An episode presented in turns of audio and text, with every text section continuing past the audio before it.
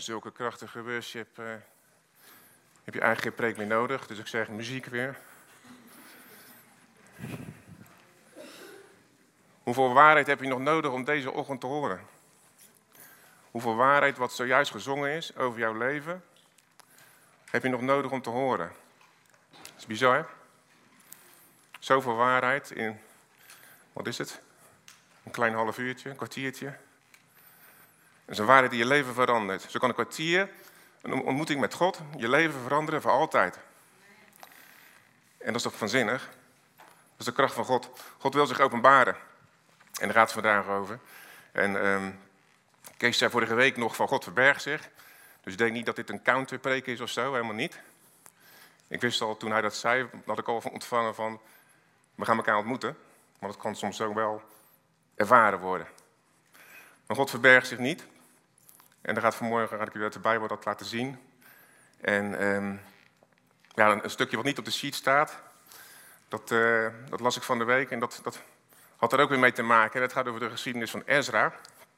En uh, Ezra, ja, Ezra, profeet, Oud Testament. Is, uh, een kleinzoon, klein, klein, klein, klein, kleinzoon van Aaron. De eerste hoge priester van de Levieten onder de wet. Is Ezra. En wat ik las, dat was in de periode ongeveer 600 voordat uh, Jezus geboren wordt. Daar uh, is het Israëlische volk, dan zijn de Joden weer terug naar Israël. Ze zijn weer terugtrekken naar Jeruzalem, dan zijn ze aan het opbouwen. En dat gebeurt onder de Perzische heerschappij, onder de koningen van, van de Perzen. Want de Perzen hebben dus het Babylonische Rijk overwonnen. Ik weet niet of jullie de plaatjes kennen van het Babylonische Rijk. Dat was gigantisch. Dus het zegt iets over de Perzen. En eerst onder, uh, onder koning Kores. Dat de eerste koning die dus de, de, Joden toestemming geeft om de tempel te gaan herbouwen. En dan komt er een andere koning, die vindt het weer niet. Want er komen mensen in opstand die willen meebouwen. Nou, dat willen de Joden niet, want dat heeft die koning, die koning niet gezegd. Dus ligt het even stil. En dan komt uh, koning Darius. En dan zijn de Joden, zo, zo eigenwijs als ze zijn, die zijn toch alweer begonnen met bouwen. En dan, uh, ja, dan komen de mensen klagen bij Darius, want ze zijn toch weer begonnen aan die tempel. En uh, terwijl de vorige koning had gezegd dat ze niet meer verder mochten bouwen. Nou, en ze, doen wel, ze zijn wel zo ver om te zeggen van, ja, Koning Kores schijnt iets gezegd te hebben daarover. Dus Darius zoekt die boekrol op en die vindt de bevestiging dat het zo is. En die geeft dus direct de opdracht van doorbouwen, sterker nog, ik betaal het. Dus dat is helemaal goed. En dat is de periode waarin, waarin Ezra dat, uh, dat vertelt. Hij gaat, Ezra gaat dus ook naar, naar Jeruzalem reizen.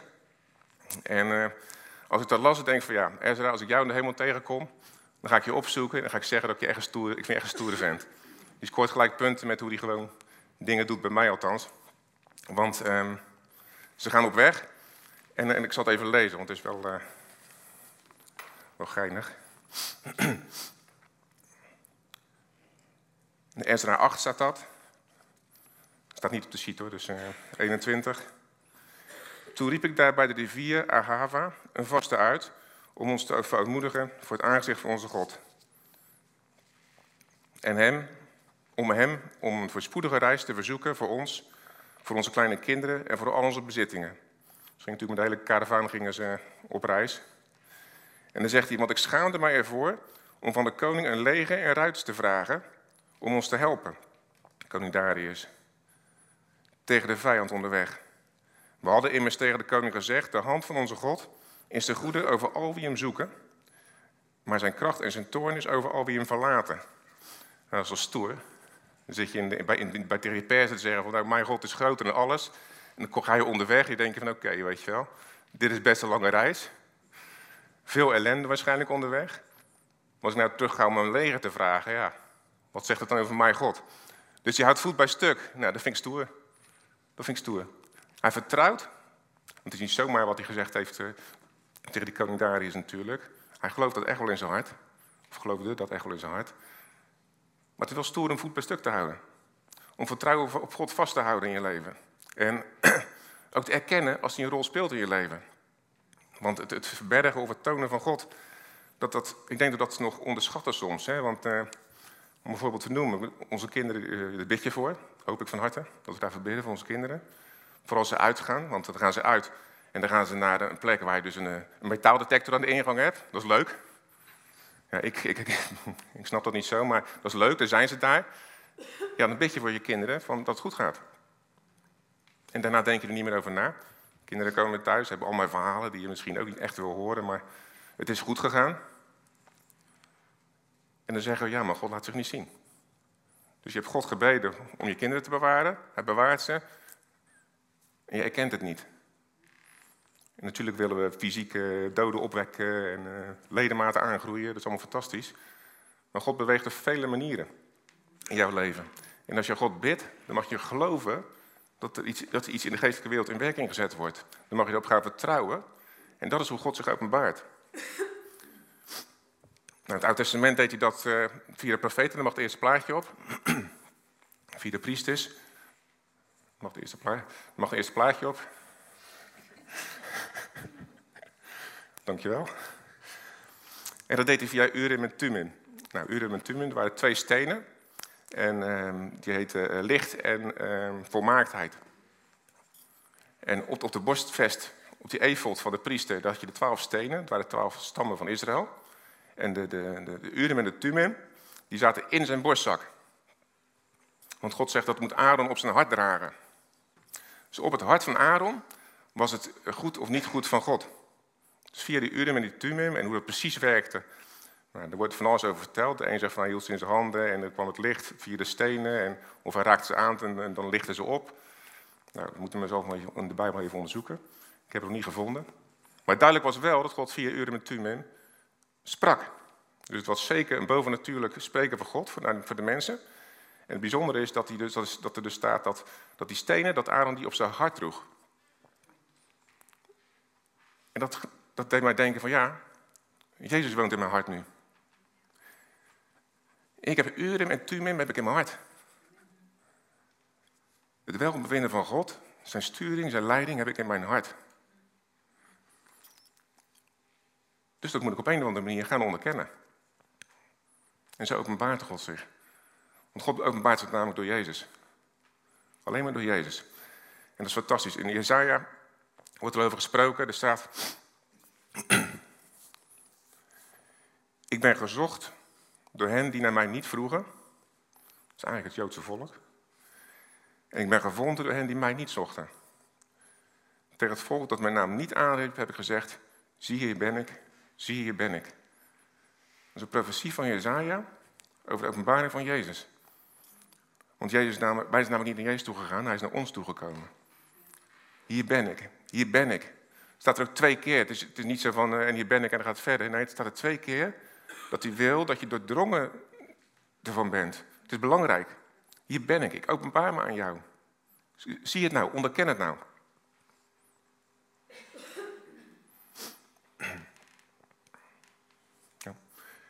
Timotheus, uh, de brief van, van Paulus en Timotheus zegt dit ook. En buiten twijfel groot is het geheimnis de godsvrucht. Nou, godsvrucht, dat is in de grondtekst is eigenlijk goddelijkheid. Dus wie God is, wat God is die zich geopenbaard heeft in het vlees, is gerechtvaardigd door de geest, is verschenen aan de engelen, is verkondigd onder de heidenen, gelooft in de wereld en opgenomen in heerlijkheid. Het gaat maar over één persoon. God is geopenbaard in het vlees door Jezus.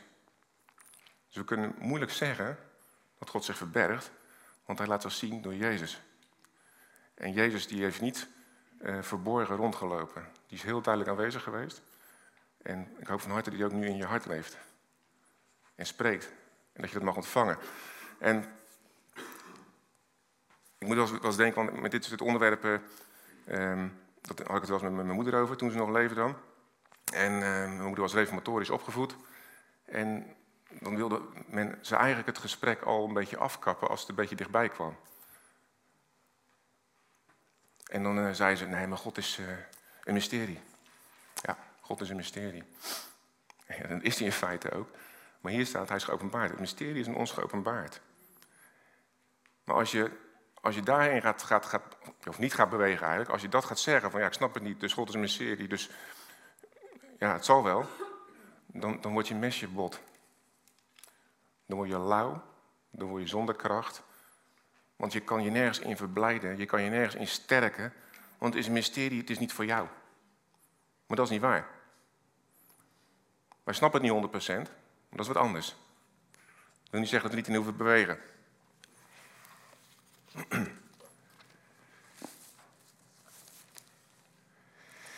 klein stukje uit uh, Corinthians 2.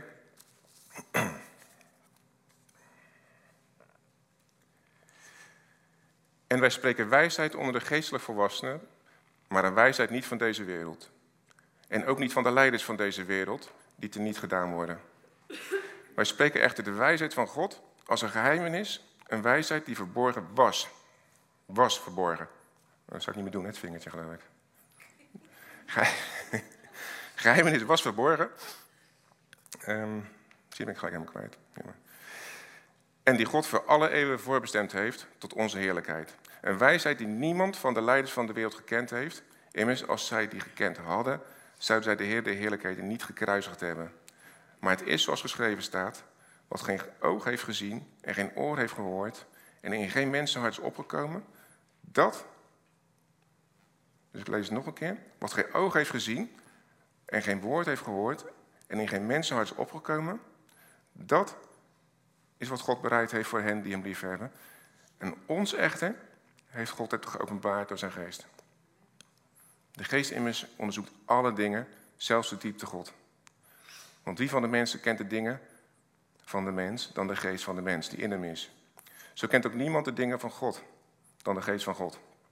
En wij hebben niet ontvangen een geest van de wereld, maar de geest die uit God is, opdat wij zouden weten wat de dingen die ons door God genadig geschonken zijn. Omdat we het zouden weten.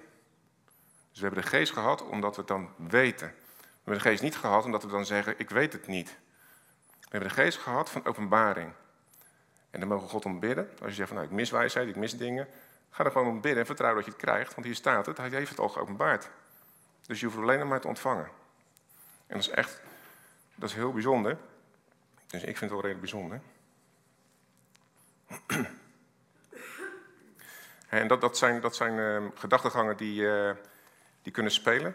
De ene is van uh, God is mysterie. En dat, dat, ja, dat beperkt jou eigenlijk, als je dat zegt. Um, een andere iets wat, wat je ook beperkt, is de gedachte dat, dat God alles bepaalt. Is namelijk niet zo. Misschien een schok voor sommigen. Maar God bepaalt niet alles. Als God alles had bepaald, had Jezus niet aan het kruis hoeven gaan. Had iedereen als, als, ja, als een no achter hem aangelopen. Maar dat is niet de God, dat is niet mijn God. Mijn God is een God van liefde, die zichzelf aan jou geeft. En die wil jou gewoon zoals je bent. Hij wil niet een, een volgzaam hondje. Hij wil iemand die ziet wie hij is. En dat dat je motiveert om hem te gaan volgen. En dat is een heel verschil met van, van God bepaalt alles. Want dat is echt niet waar. Want dan kom je ook in heel rare scenario's van als iets wel gebeurt, is het Gods wil. Als iets niet gebeurt, is Gods wil. Het is altijd Gods wil. Alles wat er gebeurt, is Gods wil. Mensen worden ziek, is Gods wil. Mensen gaan voor de tijd dood, Gods wil. Dat is allemaal niet waar, hè? Paulus zegt in het avondmaal, omdat je het lichaam van Jezus niet erkent. Daarom gaan de mensen voor de tijd dood. Omdat je niet in je diepste binnenste um, overtuigd leeft, ontvang, ontvangen hebt, laat ik het zo zeggen, want het is geen verdienen, het is ontvangen dat je niet 100% ontvangt, daarom gebeuren die dingen. Het is geloof, het gaat om geloof.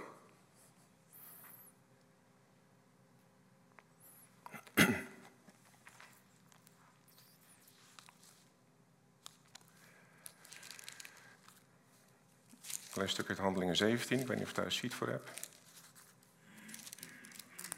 Een sheet voor.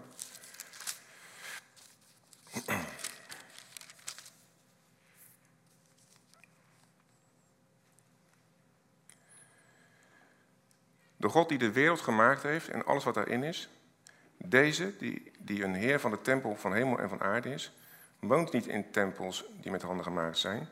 Hij wordt ook door mensenhanden niet gediend alsof hij iets nodig heeft. Omdat hij zelf aan alle het leven, de adem en alle dingen geeft. En hij maakt uit één bloed heel het menselijk geslacht. Om op heel de aardboom te wonen. En hij heeft de van tevoren toegemeten tijden bepaald en de grenzen van hun woongebied. Opdat zij de Heer zouden zoeken of zij misschien al tastend zouden mogen vinden, hoewel hij niet ver is van ieder van ons. Want in hem leven wij, bewegen wij ons en bestaan wij, zoals enkele van uw dichters ook gezegd hebben, want wij zijn ook van zijn geslacht. We zeggen wel, ze moeten in de geest gaan bewegen. En dat is ook zo. Want in hem leven wij, bewegen wij ons en bestaan wij, zoals enkele van uw dichters gezegd hebben, want wij zijn van zijn geslacht. En dat is gaaf. Hè? Ene bloed waaruit de mensheid gemaakt is, dat is natuurlijk Adam. Daar komen we allemaal uit voort. Maar er is een nieuw bloed. Er is een nieuw bloed. Een nieuw bloed waar een nieuw volk uit voortgekomen is. Dat is het bloed van Jezus. Jezus wordt in de Bijbel tweede Adam genoemd. En dat nieuwe bloed, dat heeft een nieuw volk eh, gecreëerd. Wat onder zijn bloed beweegt. Wat in zijn navolging beweegt eigenlijk. Wij zijn een nieuw volk.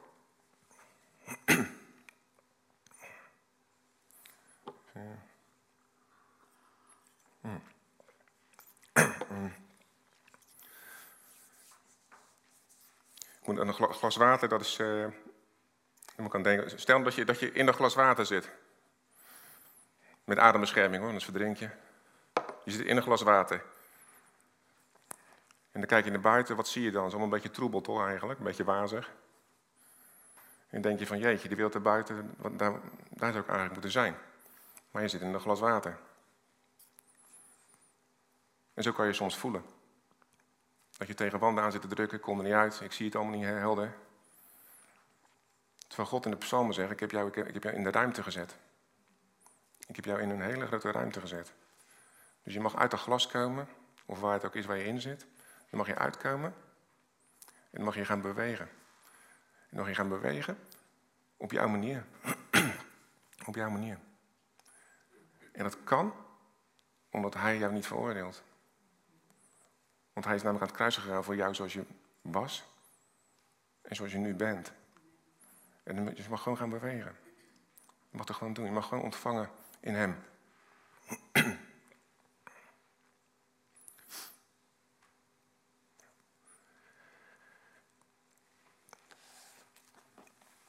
En ja, onze gevoelens nemen soms wel eens een, een, een, ja, een loopje met ons, zeg maar. En dat geeft het niet. God heeft ons gemaakt met gevoelens. En dat is, dat is belangrijk. Dat heeft een doel. Maar een gevoel zonder God eigenlijk. is zelfs een beetje een bootje op de oceaan, zeg maar, zonder stuur. Zonder roer heet dat op een boot, hè? Roer, zonder roer. Ga alle kanten op. Dus het is voor ons belangrijk dat we onze gevoelens in lijn gaan brengen met, met wat Hij is. Met wie Jezus is. En daar onze gevoelens op afstemmen. Want die gevoelens die hebben we, en dat is, dat is een groot goed. Die moeten we ook vooral niet, uh, niet denken dat we die, die niet mogen hebben of of niet zouden moeten hebben. Geen theezakje dit keer. Um, Johannes 14.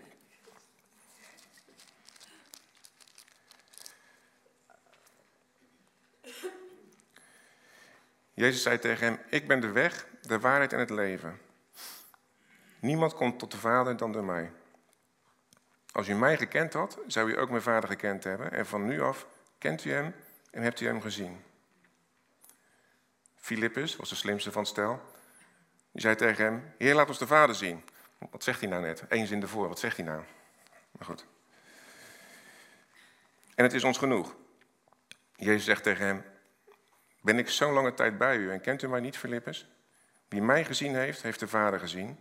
Hoe kunt u dan zeggen: Laat ons de Vader zien? Gelooft u niet dat ik in de Vader ben en dat de Vader in mij is? De woorden die ik tot u spreek, spreek ik niet uit mezelf, maar de Vader die in mij blijft, die doet te werken. Geloof mij dat ik in de Vader ben en de Vader in mij is. En zo niet, geloof mij dan de werker zelf.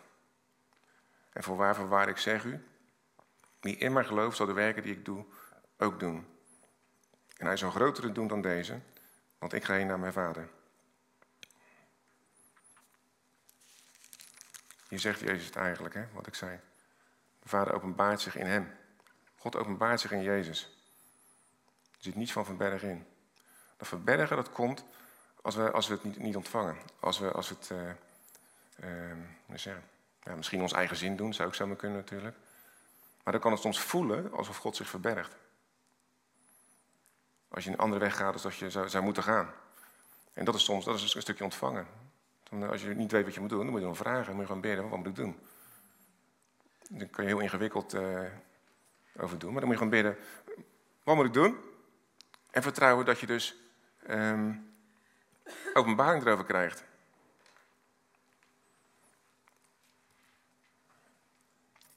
Want God is super bijzonder aan de ene kant. Maar wij zijn maar heel gewoon. Zou je zeggen. Dus denk, misschien vind je het wel hoogmoedig of zo om zo te denken. Van als jij beweegt, dat je vertrouwt dat je in Gods pad wandelt. Dat is een beetje spannend. Ik vind het wel een beetje spannend soms. Maar toch gaan dan de dingen loskomen. Als jij gaat bewegen wat God in je hart legt. Als je gaat bewegen, als je dingen gaat doen die God in je hart legt. Als je gaat vertrouwen dat het voor God is. Dan gaat het leuk worden. Dan gaat het, dan gaat echt leuke dingen doen. En leuke dingen zien. En ik zei voor dienst tegen Ellen van... waarom openbaart God zich nou eigenlijk? Waarom zou hij zich aan ons openbaren? Waarom zou hij dat doen? Net gelezen, hij heeft het niet van ons nodig. Net gelezen, hè? Hij heeft niet genodigd dat er de mensen gediend hoeven worden. Hij openbaart zich omdat hij jou persoonlijk op het oog heeft. Deze morgen ook. Hij heeft jou persoonlijk op het oog. God is een, God van persoonlijke relatie. Dus hij openbaart zich omdat jij het waard bent. Jij als persoon, zoals je nu hier zit, bent het waard om zijn liefde te ontvangen. Onvoorwaardelijk en oneindig groot. Gaaf? En hij bewijst het ook in de Bijbel heel veel. Of eigenlijk alleen maar, moet ik zeggen. En in de tijd van de Romeinen kon je gratie verkrijgen. Als je gevangen was, kon je, je, je gratie verkrijgen. Dan ging er een zak rond, er zaten tien stenen in. En er waren negen zwarte stenen en één witte steen. En als je dan één witte steen pakte, dan ontving je gratie. Dan werd je vrijgesproken. Nou, die, die, geloof mij, die Romeinse heersen, die boeiden het voor geen meter of jij nou die zwarte of die witte steen pakte. Want die hele, die hele traditie, dat was puur om, om, om de, mening van het, van het volk te winnen. Ze waren de Romeinen. Hè? Dan geven het volk brood en spelen en een zak met stenen. Maar als je dus een witte steen had, dan werd je vrijgesproken. En weet je wat God zegt? Ik ga je allemaal een persoonlijke steen geven straks. In de hemel. Met jouw naam erop. Met jouw naam erop. Nou, ik weet niet hoeveel mensen er straks in de hemel zijn. Dat zijn er echt veel. Ontelbaar. Jouw naam, persoonlijke naam. God gaat, Jezus gaat die persoonlijk aan jou geven.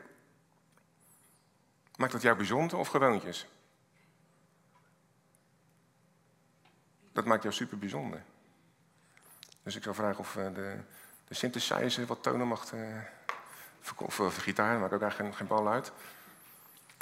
Maar 1 Corinthians 13 zegt van wij, wij, zien nog, nu nog in, in raadselen.